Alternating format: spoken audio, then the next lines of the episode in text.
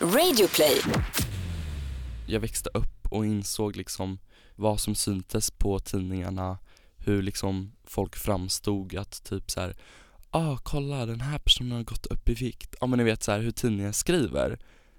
Och då var jag så liten så jag kunde inte ta ställning till det där utan jag bara f- liksom föll för det. Och ja men ni vet, bara åkte in i en orkan av ideal liksom. Det var så det var.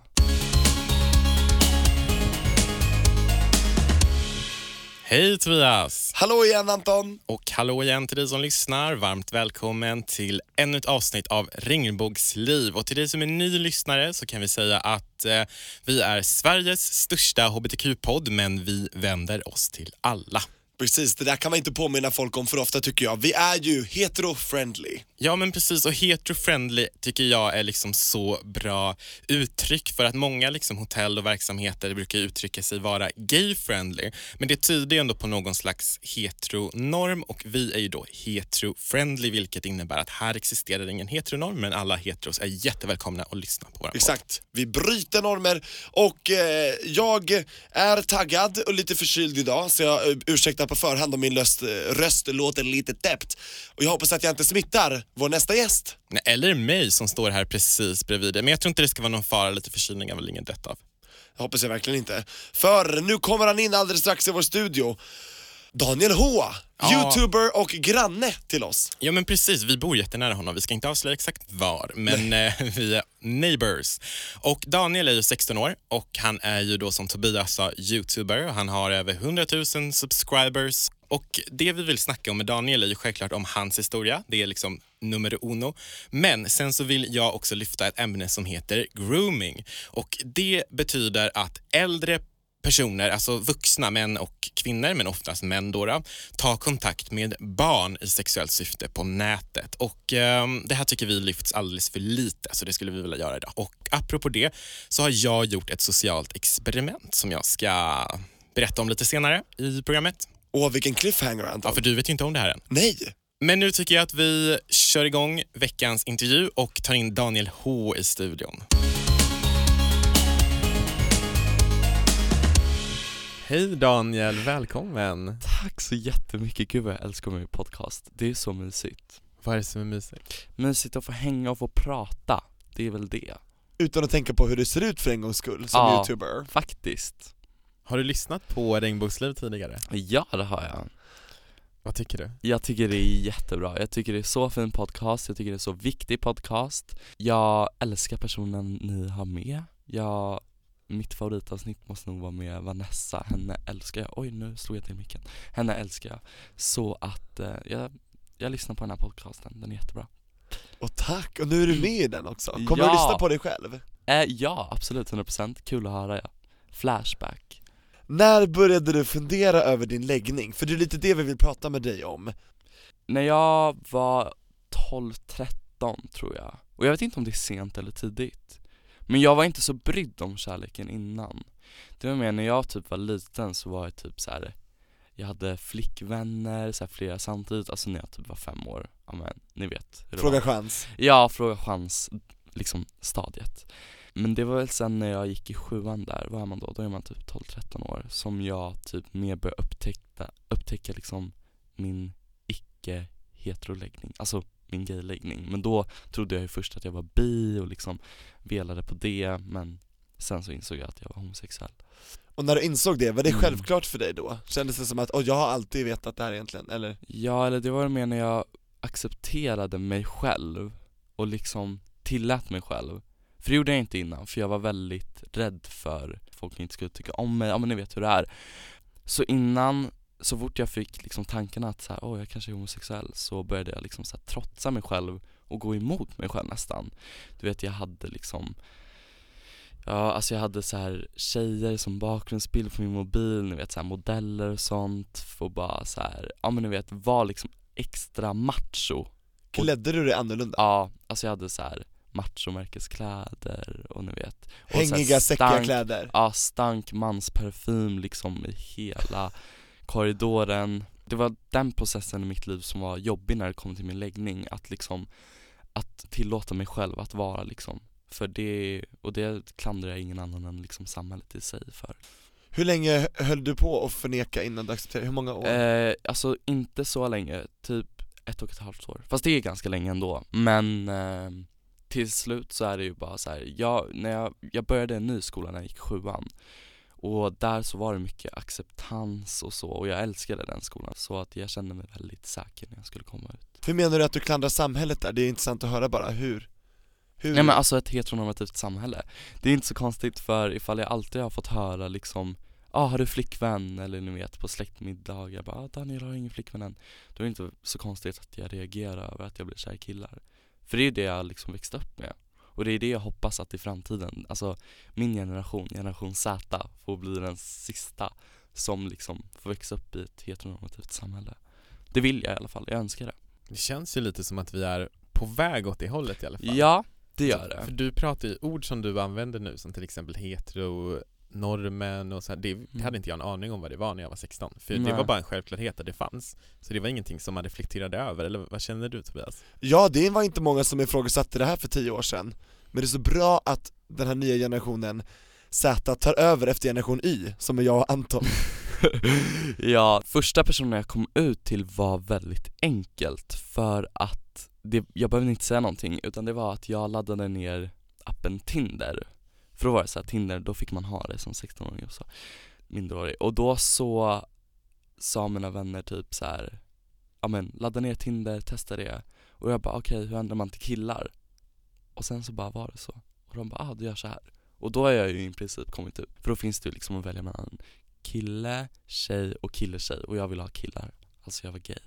Och det här var nyligen, eller hur? Ja, eller det var väl i 8-9, så ett och ett halvt år sedan typ. Men så du hade en positiv liksom komma ut-upplevelse med dina vänner? Hur har det sett ut med er familj? Att komma ut för familjen var jättelätt för mig. För att jag visste som liksom innan att mamma, pappa, syster skulle ta det där jättebra. Men det gällde bara att ta liksom själva steget att våga göra det. På min systers 18-års födelsedag så sa jag det. Då jag bara vid middagen typ, jag bara jag är gay Stal du hennes eh, thunder på hennes Typ egen lite. födelsedag? Men jag, alltså, men det var väldigt sent på kvällen. Men det var bara att så här, jag visade en låt, har ni hört den här coming out song? I'm coming out, alltså Diana det-. Nej, nej, nej, coming out song på youtube. Nej, Det har här- missat. Eh, så här, Då är det en tjej som har gjort en låt och bara så här, we're all the same. Och sen så går det så här bara He's gay and today's the day. Alltså så här, och berättar att den som visar videon är homosexuell. Det var det jag gjorde, jag bara kollade på den här videon och så gick jag till köket.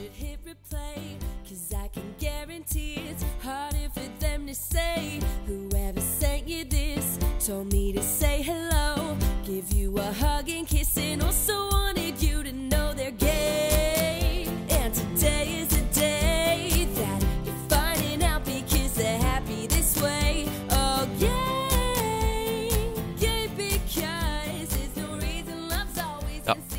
du kom ut till den låten? Ja, det gjorde jag. Wow. Och det kändes, det, det gick bra. Jag mår bra. Vad kul, vad modernt Daniel. Ja. Wow, den skulle man behövt för tio år sedan. Men alltså, jag blir så glad att höra, för att många har ju negativa kom ut-upplevelser mm, Men jag tolkar din upplevelse som eh, nästan bara positiv. Mm. Har du haft några negativa erfarenheter? Eftersom jag är en offentlig person och har ett visst antal följare på mina sociala medier så självklart därifrån har jag fått Ja men ni vet, typ såhär, ja jävla bögjävel, typ så här. Jag vet såhär, en kommentar som jag fastnade vid som jag bara så här, mådde dåligt över Då var det någon som säger bara om du är homosexuell så önskar jag genuint att du blir påkörd av en buss Ja men ni vet så här. Alltså det är verkligen så här starka meddelanden Vem var det som sånt skrev där- det? Nej jag vet inte, någon anonym, men jag är ju bara så här, äh, och raderar liksom direkt Ehm, Och så har man fått, så alltså på internet har jag väl fått hatkommentarer, men jag är väldigt, alltså jag har ganska lätt för att liksom radera sånt och bara inte tänka på det Men det jag tänker är att även fast du har lätt att hantera det och inte tänka Mm. på det Så har ju du följare som kanske läser kommentaren och kanske själv identifierar sig som icke-hetero och eh, på något sätt kan ta åt sig av det hatet Ja, jag tänker? Det är därför jag alltid försöker vara så snabb som möjligt på att radera dem så att de inte finns kvar Och anmäla dem, eller hur? Ja, såklart Vad är den vanligaste hatkommentaren som du får? Men det måste ju typ vara jävla bög Alltså det är verkligen det, för att jag är också väldigt liksom Jag är ju ganska, ja, men, feminin eller vad man ska säga. Och typ, ja men jag är ju öppet gay också såklart. Men det är ju, det är ju främst den så här jävla bög som jag får. Alltså jag blir bara ledsen för den personens skull, att den är så dum typ. Ja, Men det är inte- så okunnigt. Precis. Men det är inte som att jag bara, åh nej, alltså så här, känner att jag typ mår dåligt över det. Jag mår bara dåligt för den typ. Vad är den vanligaste fördomen du upplever att folk har om dig? Mm. Jag vet inte om det räknas som en fördom så.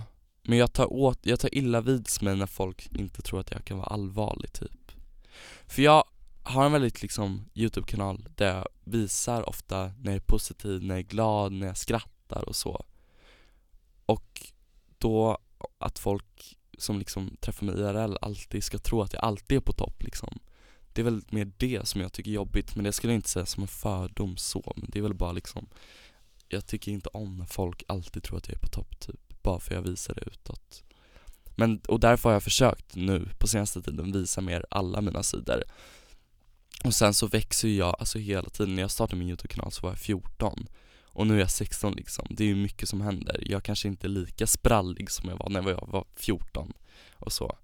Utan jag bara go with the flow. Så. Har du mått riktigt, riktigt dåligt någon gång?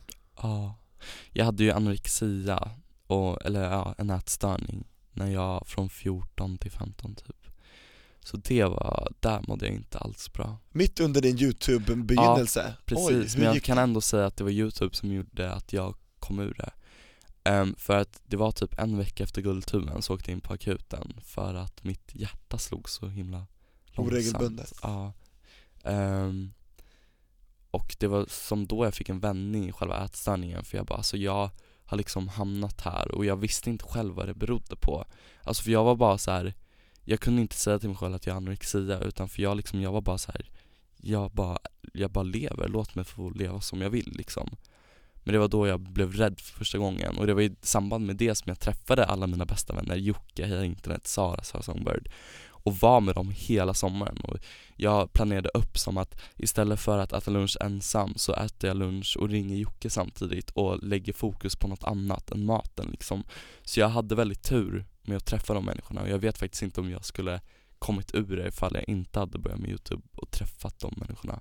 För jag mådde så otroligt bra och jag hade liksom mina följare som skrev så fina saker så att det var en sjuk hjälpsam Åh vilken härlig slump, Mm. att du började och att du kom in där rätt För hade du hamnat fel, då hade du kunnat gå hur dåligt som helst Precis, jag är glad, jag är nöjd över att jag Jättebra. där. mm. Och har du varit offentlig med det kanske ända sen när det hände typ? Berättade du för dina följare vad du gick igenom samtidigt? Nej det gjorde jag inte Det kom senare? Ja det kom senare Jag eh, twittrade en kväll typ i, för jag tror det var i oktober förra året eller något Och bara hej Jag vill bara säga att jag har haft anorexia och nu är jag liksom frisk Förklarad Och jag är typ sjukt stolt över mig själv.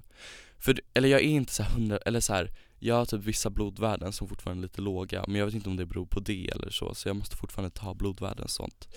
Men jag, alltså jag kan i alla fall säga att jag inte är de hjärnspökena som jag hade en gång i tiden.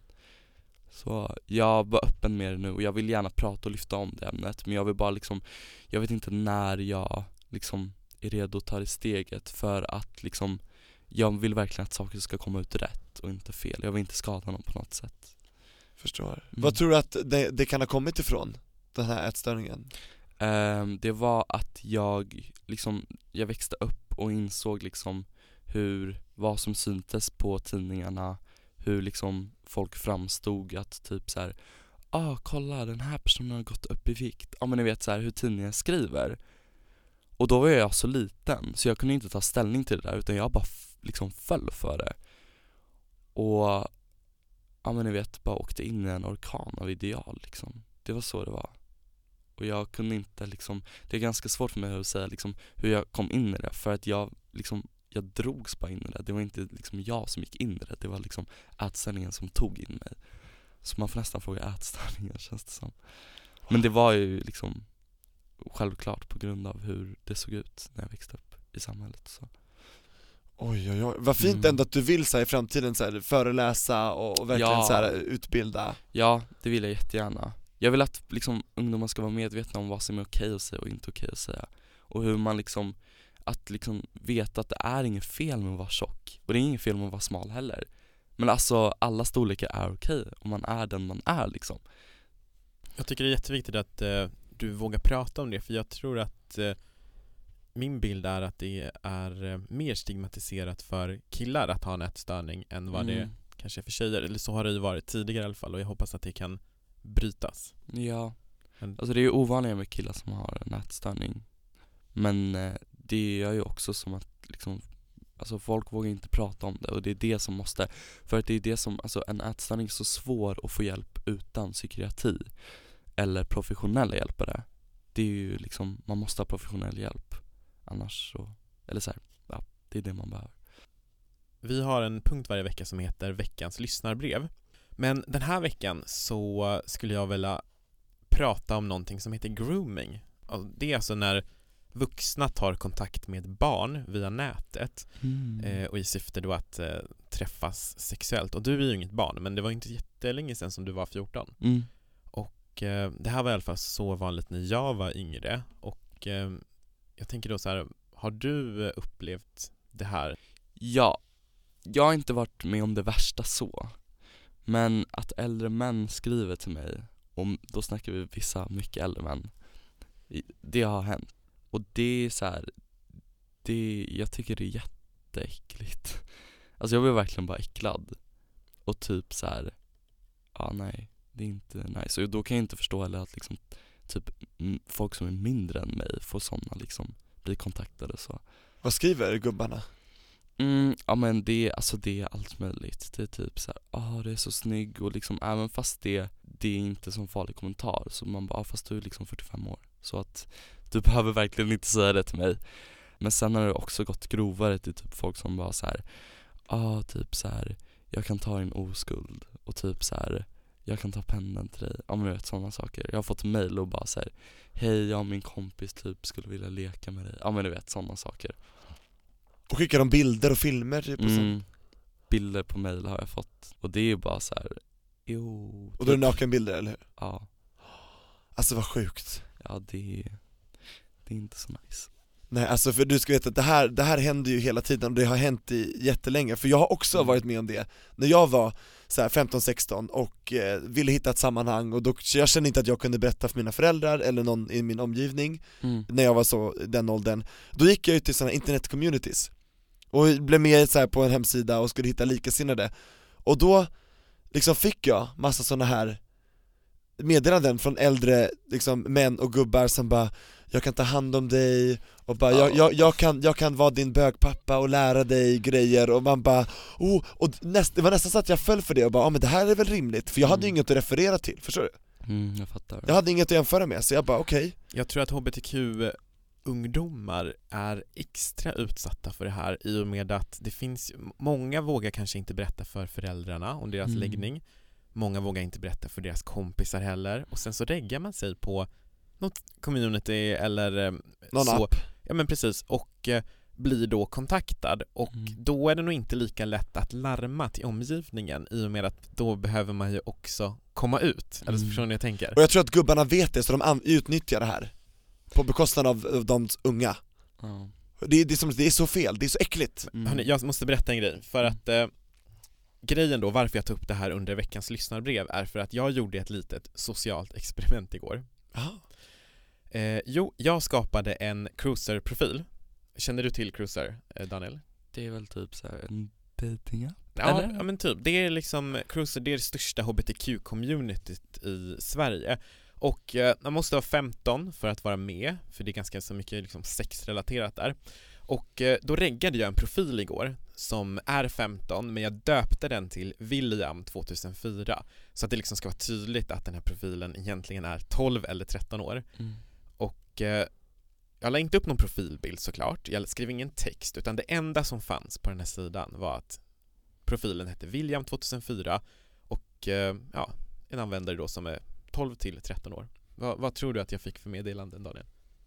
Alltså jag vågar inte ens gissa Kanske, nej jag vet, alltså bara vidriga meddelanden jag, vill- Eller kanske typ så här, ja ah, det är okej att du är 13 Jag är typ eller något sånt, så här, det är lugnt eller så här, ja men du vet som du sa Tobias, så här, jag kan lära dig typ Jag fick över 40 meddelanden och... Va? Ja, över 40 meddelanden På en kväll? Ja, ja, ja Oj. absolut. Och jag, jag tänkte läsa upp några utav de meddelandena här. För fan Osensurerat. Ska se. Ja. Usch Nej men jag fick då 40 meddelanden, alltså det här helt utan att ha en profilbild och helt utan att ha en profiltext. Alltså det är en helt tom profil. Där det enda användarna såg var att det är en 12-13-årig kille, bor på Södermalm och eh, heter William 2004. Alltså 40. Eh, Ja, över 40 meddelanden. Alltså nu, nu när jag klickar här så har jag fått fler, så det är säkert över 50 nu. Men då kan vi se, här här är en 56-årig man som har skrivit Ew. Hej, jag bor nära dig, skulle gärna dig. Är det, ja, är det sant att du bara är 13? Älskar yngre? Det är första. Ja, nej men Ja, om jag får, skriver nej jag får typ kvällningar på riktigt. Jag, jag tar ett till här. ja. Och det här liksom, jag behöver inte ens leta efter de här konstiga utan de är överallt. Då är det någon som är 42 år här, som heter... Eh, kanske inte får säga det. I alla fall. Och han skriver så här. Hej, är det sant att du bara är 13? Det ser ut som att din profil matchar min. Kan ta hand om dig. Hur då? Jag, jag vet inte. Alltså, oh Ja. my god jag blir så äcklad Ja, vänta, det kommer en till här. Då är det någon som heter som är 49 år. Hej, ser att du bor i närheten. Du är nog bara 13? Frågetecken. Men det gillar jag. Det går fint att svara här till mig med... Aha, han har skrivit här innan också. Det här är ett senare. Han har alltså skrivit igen. Är det så att du bara är 13? En fantasi som skulle gå i uppfyllelse för mig att få träffa dig. Alltså jag blir helt, alltså jag kan inte tro att det här är sant, jag kan inte tro att det här är sant Ja men det är sant. Alltså, Nej men alltså det är ju helt sinnessjukt ja. Jag vet inte vad jag ska säga. Nej men alltså det är helt, det är helt Jag galet. finner inga ord. att man, Det här är ju brott, eller hur? Ab- Ja. Det här är absolut olagligt, det här är Ja. pedofili. Det här är pedofili. Hej, ser att eh, du bor på Söder, skulle jag kunna få ut ikväll? Ja men alltså, ni ser, alltså nej, men jag vill inte fortsätta. Alltså, Hur gammal var människan? eh, det här, nu, nu klickade jag ner utan men jag tror att eh, han var runt 30, men det, min poäng med det här i alla fall är att jag också är helt chockad. Jag trodde jag skulle få typ 2-3 meddelanden. Trodde jag också. Över 40 meddelanden igår och nu när jag kollar har det dumpit in, eller har det kommit in minst 10 till. Som alla anspelar på sex. Alltså 99% var ju äckliga gubbar.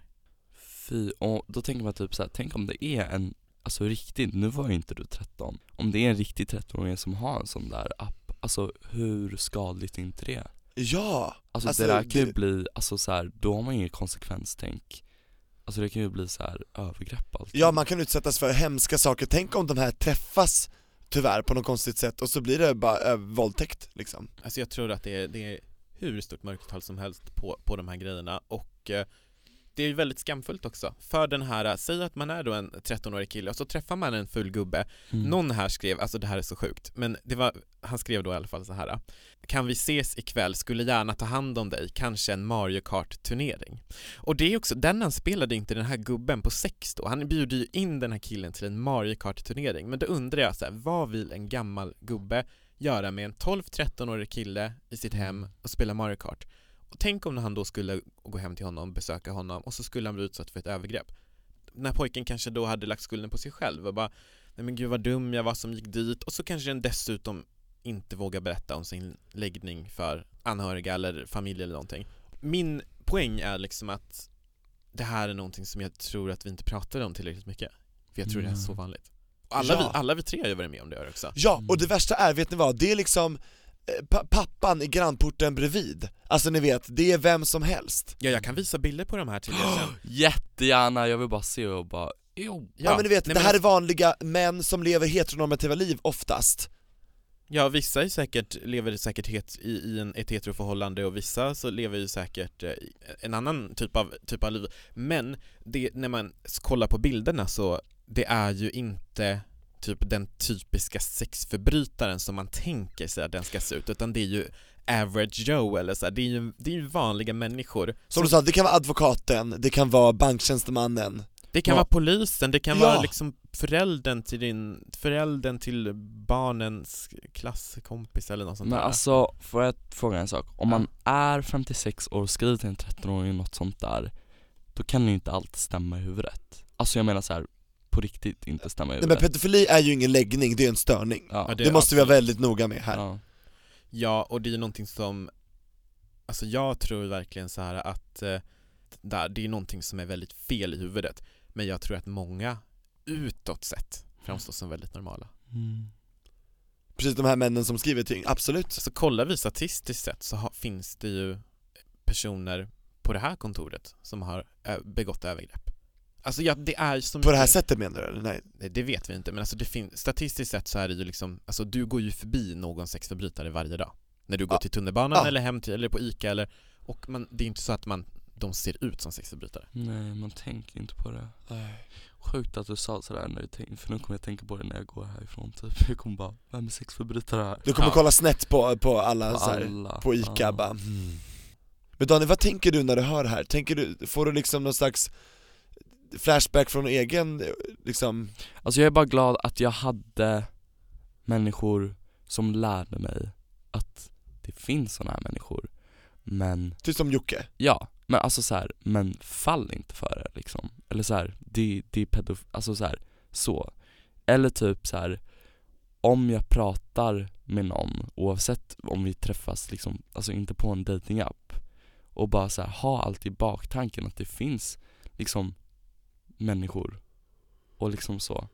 Alltså veta att sånt här händer. Och det måste man veta för man kan inte liksom gå ut och bara så här tro på att ingenting alltså händer. För att om vi ser som du sa Anton, att man möter en sexförbrytare varje dag. Då måste man ju vara på sin vakt eller vad man ska säga liksom. Och det är synd att man ska behöva vara det, Ja. men som du sa tidigare, världen är ju hemsk på många sätt Och det, det är ju bara, det går inte att liksom ändra det för att man liksom skiter i det, utan man måste ju verkligen så här lyfta ämnet bara och se till så att pedofili, eller det, får psykhjälp. Ja, för vi ska sluta blunda för det här, för jag tror Ja. som Anton sa, vi gör det för mycket, varför pratar vi inte mer om det här som händer varje dag? Mm.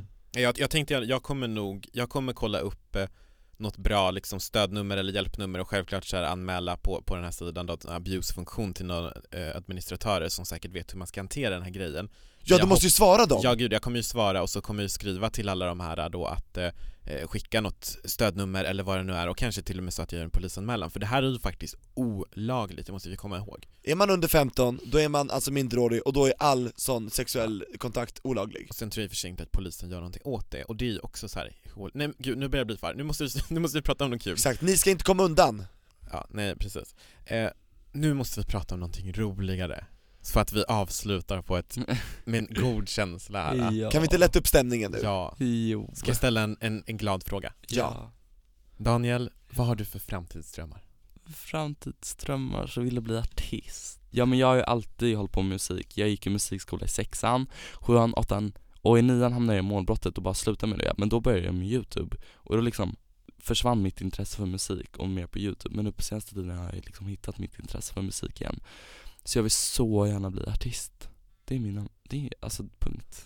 Hur jobbar du för att uppnå det? Du har väl låtar på gång eller? eh, Jag har saker på gång, inte låtar så, men jag har Jag är i kontakt med massor av skivbolag hit och dit Jag såg när du gjorde en Sia-cover. Tack så jättemycket Så bra. Finns på Daniel Hs youtube, Finns på Daniel plug it in Men jag tänker att, har du drömmar om mello, idol, mm, ja, talang? Eh, inte Idol Inte Talang Kanske Mello, beror på Men det är bara för så här. Mello är väldigt, alltså, eller det ändras ju hela tiden Men det har ju varit en schlagerfestival och jag tror inte jag riktigt vill bli den melloartisten så Sen tycker jag om melloartister så, men det är ju inte bara den musiken jag vill göra Men Förstår. det, det blir ju mer pop Vem vill du vara som? Har du någon inspiration där? Troy Sivan Och på tal om youtubers, jag älskar honom Ja, jag älskar också honom. Och typ såhär Halsey, du har träffat henne? S. Absolut, jag träffar alla de här människorna Har du träffat Halsey? Skämtar du med mig? När du jobbade på P3? P3 Star Jag har en selfie med henne på min instagram och en video, jag kan visa dig den sen Då var hon inte så stor va? Hon Nej det var väl- förra sommaren när hon var här på Münchenbryggeriet och spelade Jag dör. Hon var så vacker och så snäll men alltså jag älskar henne. Jag med, I love, love, love Men vet ni, vet ni, jag hoppas jag kommer kunna säga om tio år bara, men hörni, jag intervjuade Daniel H känd. Lyssna i appen Radio Play på Ja. Rainbows liv med Daniel H Tio år sedan. Du kanske inte är din youtube-kanal, du kanske inte du gör youtube längre? Jag vet faktiskt inte. vi får se. Tusen tack för att du kom och hälsade på oss idag. Tack för att jag fick komma, jag älskar en podd. Tack. Nej. Är det någon gäst som du känner så här att han, hon eller hen borde vara med i Regnbågsliv? Gud jag tänker bara på Anton Axén för han är så jävla snygg men dock så får vi inte se honom i podden Men alltså ja, jag bara småcrashar lite på Anton Axén Men Anton Axén då? Ja, alla behöver en Anton i sitt liv. Tusen tack Daniel för att du besökte oss idag, det har varit så kul att snacka med dig. Tack för att jag fick komma Välkommen tillbaks Daniel! Tack, puss kram Puss och kram.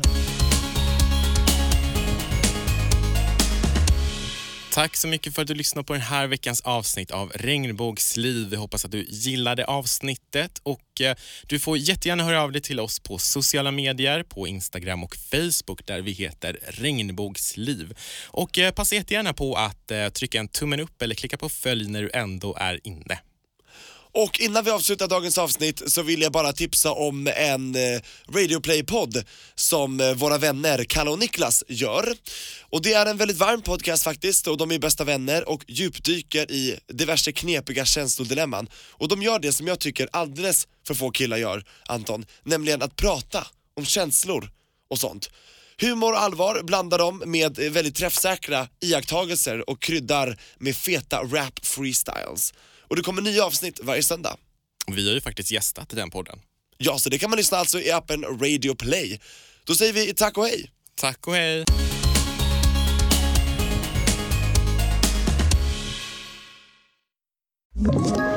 Ett poddtips från Podplay. I fallen jag aldrig glömmer djupdyker Hasse Aro i arbetet bakom några av Sveriges mest uppseendeväckande brottsutredningar. Går vi in med hemlig telefonavlyssning och, och då upplever vi att vi får en total förändring av hans beteende. Vad är det som händer nu? Vem är det som läcker? Och så säger han att jag är kriminell, jag har varit kriminell i hela mitt liv men att mörda ett barn, där går min gräns. Nya säsongen av Fallen jag aldrig glömmer på Podplay.